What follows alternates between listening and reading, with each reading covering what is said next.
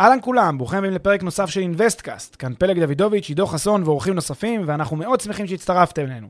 הפרק בחסות Rentpo, פלטפורמת השקעות חכמות בנדל"ן עם האנשים שמאחורי InvestCast. Rentpo מאפשרת לכם להשקיע בשקיפות וביעילות בנכסים מניבים, תוך ליווי וניהול מוקפד ומקצועי מקצה לקצה. היכנסו ל-rentpo.com, חפשו השקעה שמעניינת אתכם ותאמו איתנו פגישה דיגיטלית. בנוסף, לפני שנתחיל, נזמין אתכם להצטרף לקהילת המאזינים של InvestCast בפייסבוק. חפשו InvestCast בשורת החיפוש והצטרפו לקהילה. ועכשיו לפרק נוסף של InvestCast.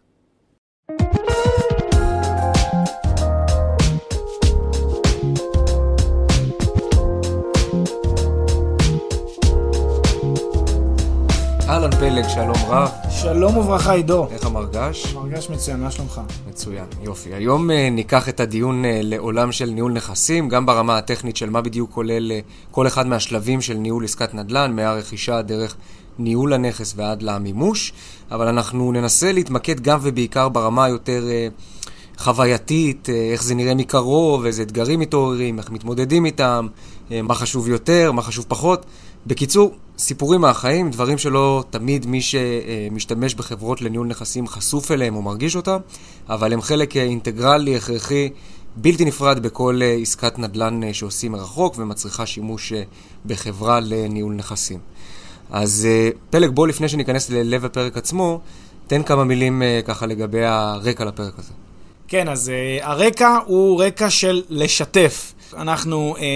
רוצים לשתף ולספר מהחוויות, אה, גם שלנו, גם של, אני מניח, של הרבה מאוד אחרים, שבין היתר, בין יתר העיסוקים שלנו, אנחנו גם חברה שנותנת שירותים של ניהול כמובן, וזה אחד הדברים שאנחנו יכולים לשתף מהזווית שלנו, מהחוויה, מה, מהסרוויס הזה שאתה נותן ללקוח קצה בתחום, ואני חושב ש... אה, זאת נקודת מבט ככה מרעננת, כשאנחנו תמיד חושבים, בתכנים שאנחנו יוצרים ומביאים למאזינים שלנו, אנחנו תמיד חושבים גם לתת את התכנים האלה שממש אה, נותנים, אה, אתה יודע, את הכלי המדיד, הספציפי, המדויק למשקיע, וגם לפעמים את הסיפורים החווייתיים, כדי שטיפה יעשירו, ייתנו אה, עוד כלים, עוד זוויות הסתכלות מעניינות, אני חושב, ואז ייתנו גם נפח יותר רחב להבנה של עולם הנדל"ן, כי הוא עולם באמת מרתק, מאוד מאוד מעניין, מאוד סוחף, וזה גם רגשי, כן? זה עולם גם רגשי בסופו של דבר, ואני חושב שזה מה שאולי אחד הפרקים האלה, מה שהוא הולך להראות. אמ, ואני רוצה ברשותך אמ, להתחיל עם איזושהי, להתחיל את הפרק ככה עם איזושהי אמירה אנקדוטלית. לדעתי המצאנו אותה תוך כדי כתיבת הפרק הזה, אולי מישהו המציא אותה לפנינו, אז יסלחו לנו אם אנחנו פה אה, מפרים אה, איזשהו, אה, אה, אתה יודע, trademark של מישהו קודם, אבל אנחנו באמת חושבים שסטנדרט שירות טוב, אמיתי, הוא כזה שהלקוח בכלל לא יודע שהוא קיבל. אוקיי? זאת אומרת, שירות אמיתי זה משהו שהלקוח בכלל לא יודע, לא הרגיש שהוא קיבל אותו. אה, השירות קורה ברקע, הוא קורה אי שם, בגלל זה הפרק הזה נקרא מאחורי הקלעים של ניהול נכסים. זה משהו שהלקוח אפילו לא יודע, הוא לא מרגיש שקורה, אה, ואני חושב שזה מה שהופך את השירות לטוב. אתה יודע, לכזה חלק, לכזה משהו ש... כי בחוויה של הלקוח, וזה לא רק לניהול נכסים, אני בטוח שבכל תחום זה ככה. בחוויה של הלקוח, אתה רוצה לקבל שירות top notch, אתה רוצה לדעת שכל מה שהזמנת קורה לפי ה... זה לא מעניין אותך מה קרה ברקע. אבל יותר מגניב זה כשאתה יודע, מרימים את המסך, פותחים את הקלעים, מסתכלים, מה קורה שם מאחורה, ואז אתה פתאום רואה את המורכבות, את האתגרים. אז זה ככה, אני חושב, הלב של הפרק הזה מה, מהבחינה הזאת, אז uh, מקווה שיהיה פרק מעניין ומעשיר. יפה, וכשאנחנו מדברים על ניהול נכסים, חשוב להדגיש, אני חושב, בראש ובראשונה, משהו שאתה יודע, עומד תמיד ברקע של הדבר הזה, המתח הזה בין תיווך לבין ניהול. בדיוק, ולמעשה הפרק הזה לא יכול אה, להיות יותר מוכוון לניהול, לצד הניהול, ופחות לצד התיווך. אני, אני אזכיר את ההבחנה הזאת, התאומית בין תיווך לניהול. תיווך זה הפגשה של קונה ומוכר, או הפגשה בין שני אנשים, זה תיווך. Uh, תיווך המשמעות שלו זה שברגע שהעסקה הושלמה ושני האנשים נפגשו והוחלפו ביניהם התמורות, זהו, המתווך יוצא מהתמונה והעסקה הושלמה, נגמר הסיפור. המתווך מקבל את העמלת תיווך שלו, בזה זה נגמר. ניהול זה הפוך, ניהול זה תכלול של העסקה או של מה שקורה בתהליך שחווה הקונה או שחווה המוכר, תלוי מאיזה צד אתה. בעצם הניהול זה למעשה כשהעסקה אה, נחתמת, it's show time, רק מתחילים עכשיו את ההתעסקות. זה ההבדל התהומי הזה בין תיווך לניהול. תיווך נגמר ברגע שהעסקה נחתמת, ניהול רק מתחיל שם. כן, ואני חושב שאתה יודע, הרבה אנשים שואלים את עצמם, אז מה, ברור, אתה יודע, ההבדל בין תיווך לבין ניהול של נכס הוא ברור, אבל אני חושב שלא תמיד כשמדברים על אה, ניהול של נכס, מבינים שמדברים על שלושה שלבים, ואולי תכף ניכנס לזה יותר לעומק, אבל יש גם את הניהול של העסקה עצמה. פה הרבה פעמים אנשים מתבלבלים באמת בין תיווך לבין ניהול של הדבר כי הזה. כי מה שקורה, יש הרבה פעמים, אני חושב, אה, מתווכים, אה, בוא, בוא ניקח, עזוב רגע את, המנ, את מנהל הנכס, כן? או את מי שלוקח את, את, לוקח את זה בהגדרה כתכלול. אם אתה מגדיר את התפקיד שלך כמתווך, כזה שמפגיש אנשים, אז אני חושב שהגדרת התפקיד מתווך היא הגדרה גמישה, היא לא הגדרה מוגבלת. זאת אומרת, יש מתווכים שאתה יכול להגיד שהם מגדילים ראש, שהם לא רק מפגישים. אני אתן לך דוגמה, יש מתווך שיגיד, שמע, כל מה שאני צריך לעשות זה להפגיש את הקונה עם המוכר, וזהו. אני עכשיו רגל על רגל, שהם יסגרו, כשיהיה עסקה, אני אקבל את הכסף. זה דרך אחת להסתכל על תפקיד המתווך. יש אנשים, מתווכים, שמה שהם רואים את עצמם זה ממש רוצים לנהל את שלב הרכישה. הם אומרים, בוא, אני גם אגיד לך תכף הרבה פעמים למה הם עושים את זה, לא כולם כמובן, לפחות יש סיבה טובה שהם עושים את זה, אבל הרבה מהם רואים את, ה, את הגדלת הראש כחלק מהתפקיד, ואז מה זה אומר? זה אומר, אם למשל, גם יוודאו שיש לך עורך דין, שפגשת עורך דין מסוים שממליצו לך עליו, והם מוודאים שהעורך דין שולח לך את הטיוטה, ושהעורך דין מדבר עם העורך דין של הצד השני, ושהם רואים שנרשמת הערת אזהרה, כלומר, ממש הם לוקחים תפקיד אקטיבי בניהול ותקתוק העסקה הזאת, ותכלול שלה, בשלב, ה, כן, בשלב הראשוני הזה של המשא ומתן והרכישה, הם נמצאים שם כדי לעשות את זה.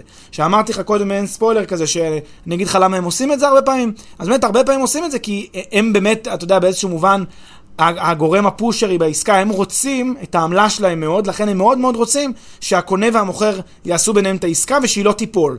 אמ, וזה אולי, אולי למה הם עושים את זה, למרות שגם אני בטוח שמקרבם, מקרב מתווכים, יש כאלה שרואים באמת שליחות או חשיבות מיוחדת בתכלול ולתת שירות מקצה לקצה ו-A to Z, מתוך ההבנה שזה מה שהם, שזה מה שהם נותנים, אתה יודע, בהגדרה. כן, זה נכון, אבל אתה יודע, בכל זאת, אני חושב שבסוף בסוף, גם אם מתווך הוא מאוד מעורב בעסקה, הוא לא זה שסוחר את העורך דין, הוא לא זה שמדבר באופן ישיר עם הנוטריון, הוא לא זה שבאופן ישיר הולך לרשויות המס או לרש... אתה יודע, לרשם המקרקעין. בסוף בסוף יש פונקציות שמי ששוכר אותן זה הקונה לצורך העניין, והמתווך יכול לתכלל את הדבר הזה, אבל אני חושב שהוא עדיין לא מנהל פר אקסלנס את כל הדבר הזה, ואולי זה ההבדל המהותי. לגמרי. לפחות בשלב הזה. אבל לצורך כך שנוכל להתקדם בדיון, בואו רגע נפשט את זה לגמרי. אתה אומר בגדול, מתווך, אה, אתה יודע, מישהו שמפגיש בין שני צדדים, גורם אה, להם לסגור עסקה, ומיד יוצא מהתמונה. בעולם של ניהול נכסים יש הרבה יותר תפקידים שהמנהל לוקח על עצמו. בואו בוא ננסה למפות את התפקיד הזה, לחלק אותו לשלבים שונים של העסקה, וגם לדבר אה, על כל אחד מהם. הפרק בחסות מחירון פרופדו, מחירון הדירות של ישראל. מחירון הדירות המקיף והמתקדם בישראל, המאפשר לכם לגלות בלחיצת כפתור מהו המחיר של הנכס. והכל בחינם. חפשו בגוגל מחירון פרופדו או מחירון הדירות של ישראל.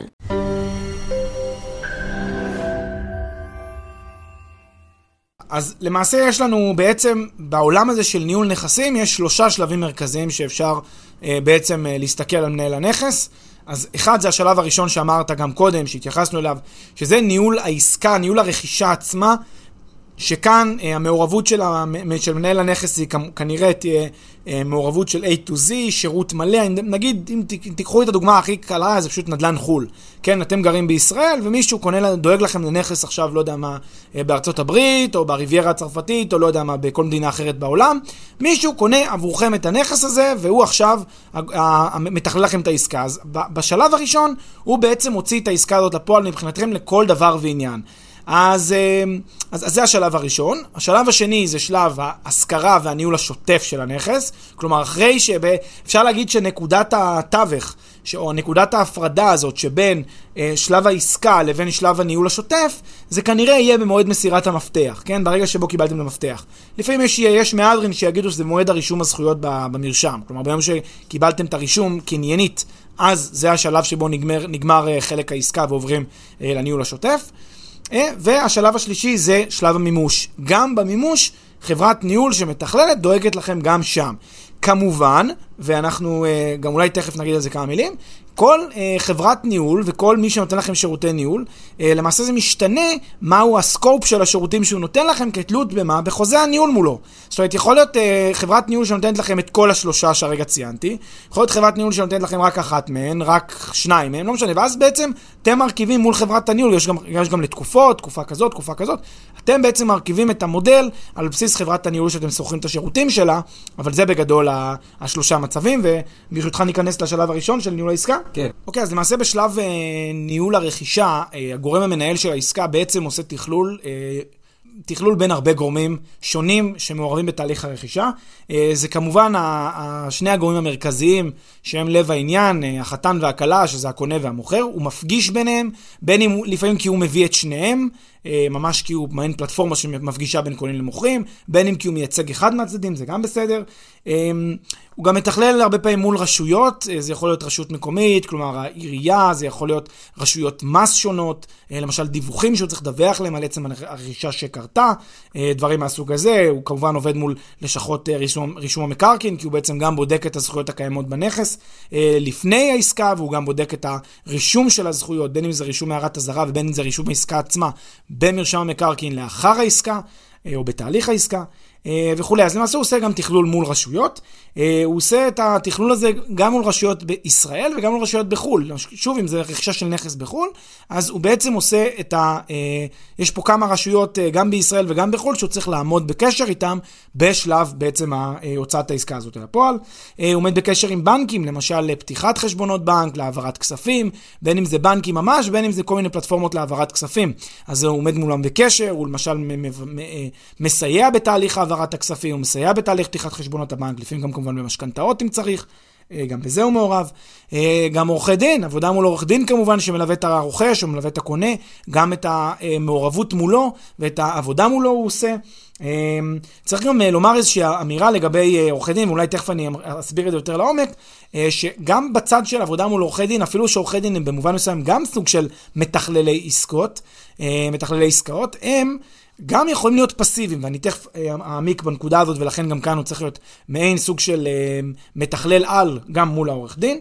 יש לו עבודה גם מול נוטריונים, גם בישראל, גם בחו"ל, עבודה מול אה, מתווכים בישראל ובחו"ל אם צריך. תרגומים, הרבה פעמים המסמכים הם נדרשים תרגומים, אז הוא גם יתרגם אותם לשפה הרלוונטית. עבודה עם ייפויי כוח, עבודה עם חברות שיפוצים וחברות גמרים. בקיצור, הרבה מאוד עבודה עם המון המון גורמים, וזה מה שנקרא הבסיס ל, ל, זה מה שנקרא בכותרות העבודה שלו. אה, וכל זה אני חושב שבסך הכל אנשים מבינים. אה, כשאנחנו מדברים על חברות ניהול בשלב הרכישה.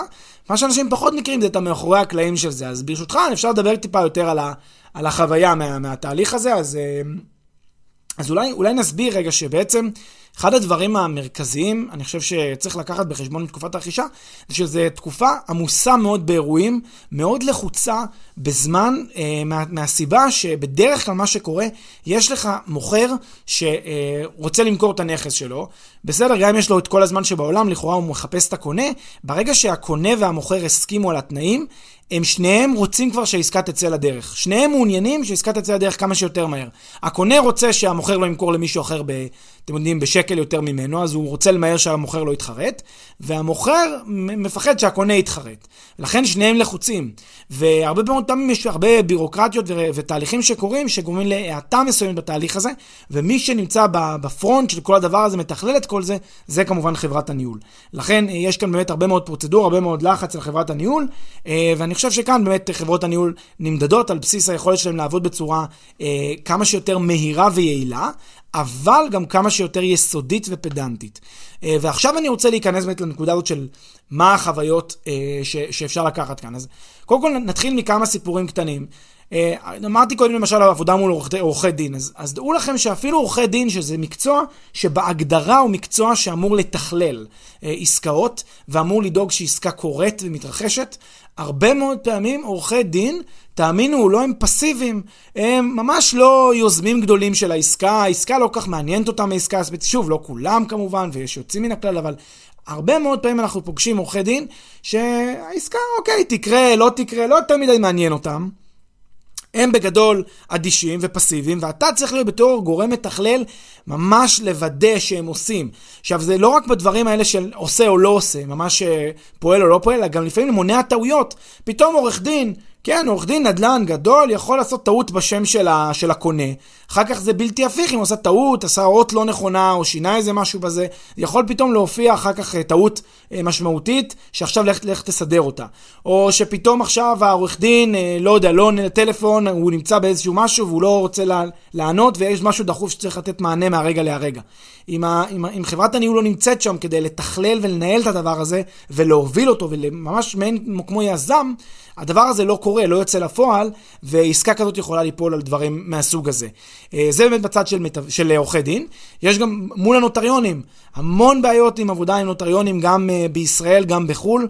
נוטריונים זה מעין פונקציה שהיא, uh, פונקציה, זה מעין רשות כזאת, זה מעין גוף יותר, זה עורך דין על כזה, עם טיפה יותר סמכויות. והרבה מאוד פעמים נוטריונים, יש להם, uh, שוב, את כל הזמן שבעולם, דברים מתמסמסים, לוקח קצת זמן. הרבה פעמים יש אי דיוקים ברישומים כאמור, דברים מהסוג הזה. לפעמים גם קורה דברים מאוד הזויים, כמו שנוטריון מאבד איזה מסמך, שולח אותו לכתובת לא נכונה, מוציא דואר לכתובת, זאת אומרת, חייב להיות כאן, אתה יודע, גורם שהוא חברת ניהול כזאת, ש... תראה, זה, אתה יודע, זה נורא מצחיק. לפעמים אנחנו מסתכלים על סיטואציות, אנחנו רואים לעצמנו, צריך ממש לבקש ממנו את האישור של המסירה כבר ברגע שהוא שולח אותו, לפני שהוא שולח אותו, כדי שנראה שהוא כתב את הכתובת נכון. קרה לנו לא פעם שפתאום הנוטריון בטעות כותב כתובת שבכלל לקוח אחר, והוא שולח את זה לבית שלו בכלל בטבריה, על הלקוח גר בתל אביב, איכשהו הוא שלח לקוח, הוא התבלבל בלקוחות. עכשיו, אתה יודע, מה, מה אתה יכול לעשות במקרה כזה? הוא לא, הוא לא התכוון לזה, והוא, לך תתבע אותו עכשיו על רשלנות. הוא לא... עכשיו, אתה רוצה שהעסקה תקרה, זה חשוב ש, ששני הצדדים יהיו, שדברים יקרו ושיהיו מרוצים, ואתה בעצם נמצא שם באמצע. כן, ואני אני, אני אגיד אה, שני דברים ביחס, אתה יודע, לנקודה הזאת, הלכאורה הקטנה, שנוטריון טועה ושולח את זה לאיזה לקוח אחר בטבריה, ולא אליך בתור מי שמייצג מישהו מתל אביב. אתה יודע, לפעמים קורים דברים הזויים, לא בהכרח עם נוטריונים, אלא עם אה, חברת שילוח בינלאומית. אתה שולח מסמך לאיזושהי נקודה בעולם, זה מגיע למדינה אחרת, וזה סיפורים, מה שנקרא, מהחיים. מגיע למדינה אחרת, בגלל טעות, כאילו, אתה יודע, טעות טועים, טעינו, הכל בסדר, גם בסופו של דבר אתה תגיע למסמך הזה. אבל המרדף אחרי המסמך, עם הרשויות באיטליה ועם חברת השילוח באיטליה, שצריכה לשלוח את זה חזרה לזה, ל, ל, ל, למסוף השילוח ביוון שיגיע מישראל, ואחר כך להפיץ את זה למדינה אחרת, והכל תחת לחץ של זמנים. כי שוב, יש עסקה, יש מוכר, הוא רוצה למכור, אתה יודע, אתה לא יכול להחזיק אותו יותר מדי זמן. בקיצור, סיפורים מפה עד מחרתיים. בשביל זה צריך להיות, אתה יודע, לפחות אתה כחברת הניהול, סופר פדנט, סופר, אה, מה שנקרא, במעקב מוחלט אחרי כל התחנות אה, הכי קטנות של כל דבר שקורה בדרך, לגרום לאיזושהי מין אה, סינרגיה כזאת בין כל הגורמים, ואתה יודע, שהדברים יקרו. אגב, בהקשר ספציפית של נוטריונים, אני חושב שחלק גדול מהסיבות שקורות טעויות דווקא אצלם, ושוב, וכמובן, כמו שאתה הרבה פעמים מסייג, לא כולם, ויש כאלה שמתייחסים לזה ברצינות בכל אופן וכולי, אבל שכר של נוטריון בהרבה מדינות, ובין היתר בישראל, הוא בהגדרה אה, קבוע בחוק, עבור שירות של נוטריון. אני חושב שכשאין לעורך דין את היכולת לגבות איזה סכום שהוא רוצה על שירות מסוים, בוא נגיד זה מוריד לו את המוטיבציה להתייחס אה, ללקוח שמגיע אליו בשביל לקבל שירות נוטריוני אה, כמו. כמו, כמו לקוח אחר שמשלם לו הרבה יותר כסף עבור שירותים אחרים, אבל זאת אה, מה שנקרא דעתי האישית, הלא מחייבת וגם לא, לא מתייחסת לכל הנוטריונים באשר הם. לגמרי, ואני ממש אה, מצטרף למה שאתה אומר. אה, ו, ואם אני הייתי צריך לתת את, ה, את הטיפ שלי, אז אני חושב שהדבר הנכון ב, ב, ב, בהסתכלות על קודם כל, משפט לפני זה בכל זאת, כדי להתחבר למה שאמרת, וזה מתחבר למשפט הראשון שהתחלנו איתו את הפרק, ואמרנו שהרבה פעמים הלקוח לא יודע אפילו את, ה, את, ה, את מה שקורה ברקע, וזה למה, זה, מזה נמדד שירות בעצם, שה, שהשירות מבוצע מאחורי הקלעים, בסוף העסקה יוצאת. וזה מתכתב עם הטיפ. הטיפ צריך להיות איזון מדויק, ובאמת זה, המילה פה היא דיוק של האיזון, כן, שבין היסודיות והפדנטיות לבין היעילות. ואתה חייב למצוא את האיזון הזה, אתה לא יכול להיות יותר מדי יעיל ולהיות יותר מדי מהיר, כי אז אתה תעשה טעויות. מצד שני, אתה לא יכול להיות אקסטרה פדנט, כי אם אתה תהיה יותר מדי פדנט, אז עסקה תיפול פשוט. ולכן אתה חייב להיות עכשיו, זה גם התכלול והעבודה מול הגורמים ולרתום אותם. זה מסוג הדברים, אני חושב שאפשר לתת, אה, כן, מה, מה שנקרא, השני סנט שלנו, על, על, על בעצם על איזה, איזה טיפ היינו נותנים פה ל, ל, לבן אדם, למי שרוצה לדעת איך לנהל נכס, ולנהל את שלב העסקה לפחות. יפה. בואו נזרום uh, הלאה לשלב של ניהול הנכס uh, לניהול השוטף של הנכס. אוקיי, אז uh, שלב ניהול הנכס. אז uh, כמו, ש, כמו שקודם עשינו, אפיינו בעצם מה כולל השלב הזה, אז uh, בואו נאפיין גם עכשיו. ניהול נכס זה למעשה השלב שכאמור, מהרגע שקיבלתי מפתח בנכס, או מהרגע שהועברו הזכויות במרשם על שם הקונה, uh, ועכשיו נכנסת חברת הניהול ועושה ניהול שוטף של הנכס. Uh, הניהול השוטף כולל בדרך כלל איתור שוכרים, הכנת חוזים, אמ, קבלת ביטחונות, החלפת שוכרים במידת הצורך אם השכירות אה, מסתיימת, אה, טיפול שוטף בנכס, בין אם זה תחזוקה, בין אם זה טיפול בתיקונים, דברים מהסוג הזה, אה, צרכים של הדיירים, לתת מענה שוטף.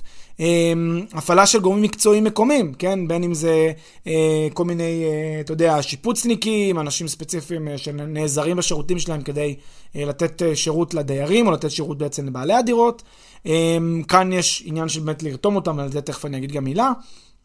אמ, אה, וזה בעצם אה, עיקר, עיקר, עיקר החלק הזה של שלב הניהול, וגם יש גם לצד זה את הטיפול בבעיות שקורות, אה, בין אם זה בעיות גבייה, בין אם זה שוכרים שלא משלמים, בין אם זה שוכרים שצריך לפנות אותם, בין אם זה לממש ביטחונות של שוכרים, דברים מהסוג הזה, שזה כבר באמת הבעיות או החלק הפחות נעים, אבל גם הוא בגזרתו של אה, מנהל הנכס. ולדעתי זה, כשאנשים מדברים על ניהול נכסים, רוב האנשים מדמיינים דווקא את השלב הזה, את הניהול השוטף של הנכס, פחות מסתכלים לצד הרכישה ופחות מסתכלים על צד המימוש, וזה גם באמת הצד היותר קלאסי של ניהול נכסים. וכאן בהקשר הזה אני רוצה להגיד ש... אחד הדברים שאנחנו שמים לב אה, המון פעמים זה, גם כאן יש חשיבות מאוד מאוד גדולה לפדנטיות ועבודה יסודית. אה, אבל יותר משחשובה העבודה היסודית, כדאי ליצור רשת של קשרים מול נותני שירותים, מול בעלי מקצוע מקומיים, שבעצם אותם נותני שירותים, נותני שירותים קבועים ל, אה, ל, בעצם לדיירים, לבעלי הדירות, אה, כך שאתה בעצם מקבל תנאים טובים, תנאים איכותיים, ומוזיל בהרבה מאוד כסף את אה, עלות שירותי הניהול שלך. אז זה באמת איזושהי שיתוף, יצירה של שיתופי פעולה, גם מבחינת המוכנות של אותם אה, גורמים לתת את השירות, גם במהירות שבה הם מגיבים, גם ביכולת שלהם לתת לך את הסיוע, גם בשעות לא שעות, כי הרבה פעמים הבעיות, אתה יודע, מתעוררות כזה. תמיד הבעיות קרות, קורות ביום שישי בערב, או יותר נכון יום שבת בערב אם זה חו"ל, ואז אתה צריך עכשיו ללכת לחפש מישהו יקפוץ לנכס וייתן את השירות, רק אנשים שאתה יכול באמת לסמוך עליהם, שיש לך קשרים ארוכת טווח איתם, מערכת קשרים ארוכת טווח, אתה יכול בעצם להיעזר בהם. אז זה באמת הצד הזה של ה... אה, הצד הזה של ה... אה, הוא אחד הצדדים, אחד הפנים של התפקיד הזה של חברת הניהול, אבל אה, מציאת שוכרים ואיתור שוכרים חדשים. תן סיפור ממש ככה טרי, ממש מהעת האחרונה. הייתה לנו באחד הנכסים איזושהי משפחה אה, ממוצא זר, והיא הסכימה לשלם אולי 20-30% מעל מחיר השכירות של הנכס. אה, והמשפחה הזאת היה לה משהו מפוקפק קצת ב... בסיפור, משהו קצת לא השתלב עד הסוף, ויצרו יצרו איתנו קשר בעצם האנשים שלנו בשטח, ואמרו, המשפחה הזאת רוצה לשכור את אחד הנכסים, והיא שואלת, מבקשים את אישורנו, שאנחנו נסכים אה, להשכיר להם, ושוב, זה עונה על ה... עונה על ה... זה, מה, מה יותר טוב מאשר לקבל עוד 20-30% לשכר הדירה, לכאורה זה מצוין. אה, ואנחנו בדעה שלא כדאי לעשות את הדברים האלה, לקחת, להיכנס להרפתקאות. אנחנו לא יודעים בדיוק מי הם, הסיפור שלהם לא משתלב, לא ברור, הרקע, ההסברים שנותנים לא ממש מניחים את הדעת. אה, ולכן אפילו שהם אמרו, בואו ניתן לכם 20-30% מעל, שזה גם מוזר, למה הם מוכנים לשלם יותר מהמחיר? לי זה נשמע ככה, זה מעורר דגלים אדומים. לכן הורינו לחבר'ה לא לקבל את, ה, את ההצעה שלהם ולהגיד להם תודה, ושלצערנו לא נוכל להזכיר להם את הנכסים. שוב, זה מסוג הדברים שאתה, כשאתה עומד בקשר עם, עם, עם בעל דירה ואתה אומר לו, הנה זה ה... אלה התנאים שלה שמציעים לך, וזה העסקה שעומדת לפניך, עכשיו אתה תבחר, הרבה מאוד פעמים יהיה לך קשה להסביר לו, אני לא אהיה רגוע שיהיה לך דבר כזה, אני לא אהיה רגוע שאתה תשים את עצמך בסיכון כזה, אפילו אם הוא סיכון תיאורטי, עדיף לך לחכות עוד טיפה, עדיף לך, לא יודע מה, להוריד אפילו את המחיר בחמישה אחוז, לקבל סוחר ברמה הרבה יותר גבוהה. כן, לגמרי מסכים, ואגב, אפשר לחבר את זה גם למה שקורה היום אה, בארץ, בתל אביב, בדרום תל אביב ליתר דיוק. אתה יודע, דירות שעד uh, לפני כמה שנים היו משכירים במחיר רגיל, uh, לא יודע, לסוחרים רגילים שרלוונטיים לאותו אזור, בנגיד 5,000 שקל, היום משכירים לזרים במספרים הרבה יותר גבוהים, נכנסים לשם הרבה יותר אנשים ממה שהדירה יכולה להכיל, אבל יחד עם זה בא הסיכון, כי לא תמיד הם משלמים בצ'קים, או בוא נגיד תמיד לא משלמים בצ'קים, מגיע כסף במזומן כל חודש, הגבייה הרבה יותר מורכבת, אתה לא יודע מה יהיה מחר. בקיצור, נכון, אפשר תמיד למקסם את התשואה השוטפת על הנכס, אבל באים עם זה הרבה סיכונים ולא תמיד זה הדבר הנכון. ואפילו יותר מזה, גם אם אפשר להשכיר את הנכס ב-5,000, ובאמת יבוא אחד שמוכן לשלם 5,000, אבל אתה יודע שאם תיקח 4,700 אז יבואו עשרה ותוכל לבחור מהם, למה לך בשביל 300 שקל, או לצורך העניין 100 דולר, אני לא יודע, בארצות הברית, אה, אה, לבחור במישהו שאתה לא שלם איתו, כשאתה יכול להיות שקט ורגוע, ולהרוויח טיפה פחות. כן, לגמרי, וזה תמיד, אה, זה מתכתב הרבה פעמים עם, המתח הזה של, אתה יודע, שכשאתה בא, זה אולי נקודה מאוד חשובה שאנשים, אה, אה, אני חושב שהיא נכונה לא רק לנדל"ן, היא לא, בוודאי לא, לא רק לחברות ניהול, היא נכונה בכלל בחיים לדעתי. כשאתה מגיע ממקום שאתה יש לך ניסיון, ויש לך, אתה יודע, את הקמטים של, ה, של המלחמות כבר שעברת, את הקמטים של, ה, של כמות המקרים שכבר ראית, ואתה שחקן חוזר, מה שנקרא, אתה יודע להימנע מכל אותם אה, דברים שאנשים רואים לפעמים כהזדמנות, או כמציאה, או ככל מיני כאלה, אתה יודע, אה, בגלל זה קשה מאוד אה, אה, לשכנע אותנו בתפיסה שלנו לא להיות שמרנים. קשה מאוד לשכנע אותנו לא להיות זהירים על חשבון אה, לקוחות או על חשבון, אה, ובהמלצות שאנחנו נותנים, גם בפודקאסט הזה, אנחנו תמיד נורא נורא זהירים, כי אנחנו באמת מאוד, אתה יודע, מכירים, כבר ראינו, אה, ואפילו יש, נכון, לפעמים זה, זה אפשר, לפעמים משפחה זרה יכולה לשלם יותר, והכל יהיה נפלא ולא שום בעיה. לפעמים יהיו בעיות, והמקרים האלה, אלה המקרים שמטרידים אותך כחברת ניהול, שאתה רוצה שילשו לתת שירות מעולה ושירות ללא פשרות, אה, וזה תמיד האתגר. האתגר הזה, כשאתה רואה את הדברים בתמונה שלך, בתמונה רחבה, אה, לפעמים זה יוצר אה, מתח מול, מול הבעלים. יפה, אז דיברנו קצת על הניהול של העסקה עצמה מלכתחילה, דיברנו קצת על... אה, ניהול הנכס אה, ממש. בואו נדבר על הניהול של מה שקורה בסוף, על המימוש, כשרוצים למכור את הנכס. החלק הסופי בהשקעה בדרך כלל, אה, שוב, גם כאן לא חובה לזכור את השירותים של חברת הניהול החלק הזה, אבל מי שכן, בעצם מקבל גם שירותים של מימוש הנכס, וכאן באמת החלק הוא יחסית יותר פשוט. כי בדרך כלל רוב העבודה המבוצעת בהקשרים האלה על ידי עורכי הדין, בין אם של הקונה ובין אם של המוכר, אה, ורוב העבודה פה היא בעיקר אה, בחלק הזה של להראות את הנכס, להוציא אותו למכירה במחיר נכון וכולי, ופחות, אה, זה לא, זה פחות התכלול הזה של ההתחלה, זה פחות מערב נוטריונים בשלב הזה, זה יותר פשוט. ולכן, מהבחינה הזו, עסקת, החלק של המימוש, עסקת המימוש הוא החלק היותר פשוט בסיפור. עדיין יש לנו הרבה מאוד, אתה יודע, תובנות גם מהדברים האלה, הרבה מאוד מקרים שבהם אה, פתאום קונה שברגע האחרון רוצה לשפר תנאים, והוא עושה לך כזה, מניח את האקדח על השולחן, ואומר, אה, אני מוכן, אה, כבר כל כך אנחנו עמוק במשא ומתן, אז תורידו לי בבקשה אה, עשרת אלפים, אה, לא יודע מה, אה, תורידו לי אלף דולר מהמחיר, או חמשת אלפים דולר מהמחיר, מהמחיר. בעצם יש כל מיני מקרים שבהם הסיטואציות האלה מתפוצצות בגלל כל מיני מהלכים אופורטוניסטיים של אחד מהצדדים. לפעמים גם המוכר, פתאום יש לו פיק ברכיים, הוא פתאום מתלבט. אה, מה שנקרא, שעולה מי שהזמין את שירותי הניהול, פתאום אומר, אתה יודע מה, אולי אני אשאר עם הנכס, אולי עדיף שיהיה לי עוד נכס בחו"ל, כן רוצה למכור, לא רוצה למכור, כזה נורא מתלבט. אלה בדרך כלל האתגרים שיש בצד הזה של מימוש הנכס, אבל למעט זאת, מי שמסתכל על זה בצורה יותר שכלתנית, רציונלית, אני חושב שאנשים באים באמת מתוך מטרה להפיק רווחים, גם רווחי הון משמעותיים במימוש, וכשהם רואים שזה זמן נכון, ושהם חושבים שזה זמן נכון, הם משחררים ועושים את העסקה הזאת uh, as is. כן, וגם פה חברת הניהול, אני חושב שזה נכון, תקף לגבי כל, uh, כל השלבים, אבל ההחלטיות, הלפעול מהר אבל לא בחיפזון, uh, אתה יודע, פדנטיות, מה שהזכרת, מקצוענות, uh, לדעת לרתום את הצדדים, אפילו אם זה הצד הקונה, אתה בתור חברת ניהול יכול לעשות מהלכים שיגרמו לדבר הזה לקרות לשביעות רצונו של מי ששכר את השירותים שלך.